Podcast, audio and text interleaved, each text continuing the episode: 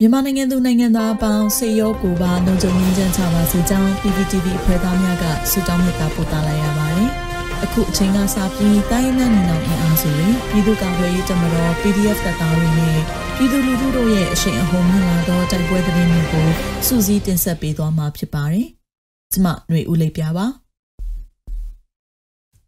ပထမဆုံးအနေနဲ့အင်းလေချောင်းကျေးရွာအနီးချင်းတွင်းမြစ်လယ်တွင်တောင်တင်နေသောစစ်ကောင်စီရေရင်အုပ်စုကိုဒေသကာကွယ်ရေးအဖွဲ့များမိုင်းခွဲတိုက်ခိုက်လို့ဆယ်ဦးထက်မနည်းသေဆုံးနိုင်တဲ့သတင်းတင်ဆက်မှာပါ။ကဏီမြို့နယ်အင်းလေချောင်းကျေးရွာအနီးချင်းတွင်းမြစ်လယ်တွင်တောင်တင်နေသောအကြမ်းဖက်စစ်ကောင်စီရေရင်အုပ်စုကိုဒေသကာကွယ်ရေးပူးပေါင်းတပ်ဖွဲ့ကဒီဇင်ဘာလ23ရက်ည7:00နာရီခန့်တွင်လက်နက်ကြီးများမိုင်းများဖြင့်တိုက်ခိုက်ခဲ့ပြီးစစ်ကောင်စီတပ်သား10ဦးထပ်မံတေဆုံးနိုင်ကြောင်းကဏီမြို့နယ် ပြည်သူ့ကာကွယ်ရေးတပ်ဖွဲ့ကြောက်လုံးကြီး KLG PDF ကသတင်းထုတ်ပြန်ပါတယ်။စစ်ကောင်စီ၏ရေရင်အုပ်စုကိုလက်နက်ကြီးများဖြင့်ပစ်ခတ်တိုက်ခိုက်ခဲ့သလိုငပြောတုံးများဖြင့်ပြုလုပ်ထားသော ဖောင်မော်တွင်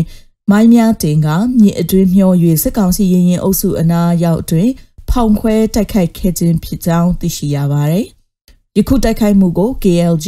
PDF, MPTF, Golden Triangle Force CHUPDF စသည့်မဟာမိတ်တပ်ဖွဲ့များပူးပေါင်းဆောင်ရွက်ခဲ့ခြင်းဖြစ်ကြောင်း KLG PDF ထံမှသိရှိရပါသည်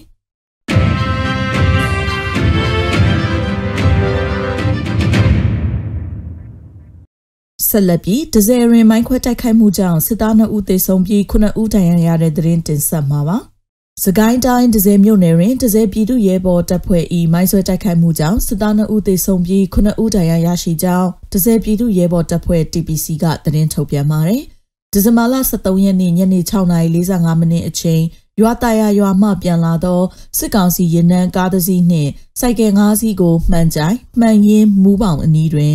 မိုင်းဆွဲတိုက်ခိုက်ခဲ့ကြောင်းအဆိုပါတိုက်ခိုက်မှုကြောင့်စစ်သား2ဦးသေဆုံးပြီး6ဦးဒဏ်ရာရရှိက တအူးမှာအရေးပေါ်အခြေအနေဖြစ်ကြောင်းသိရှိရတာပါ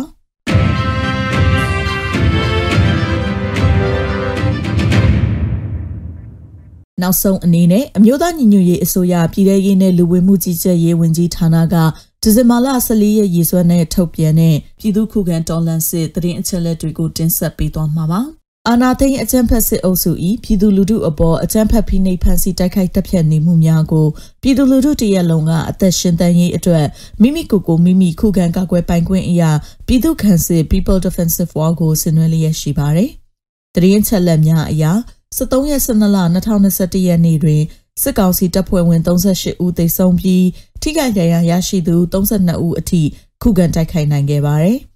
စစ်အာဏာရှင်စနစ်မြမမြေပေါ်မှာအပြည့်တိုင်ချုပ်ငြိမ်းရေးနဲ့ Federal Democracy တည်ဆောက်ရေးအတွက်ငြိမ်းချမ်းစွာဆန္ဒပြသည့်လူထုတပိတ်တိုက်ပွဲများကပြည်내နဲ့တိုင်းဒေသကြီးများမှာဖြစ်ပေါ်ပေါ်ပေါက်လျက်ရှိပါတယ်။မြေပြင်မှာယခုတွေ့ရတဲ့သတင်းချက်လက်များထွက်ပို၍ဖြစ်ပေါ်နိုင်ပါတယ်ရှင်။ရေတော်ဘုံအောင်ရမည်ရေတော်ဘုံအောင်ရမည်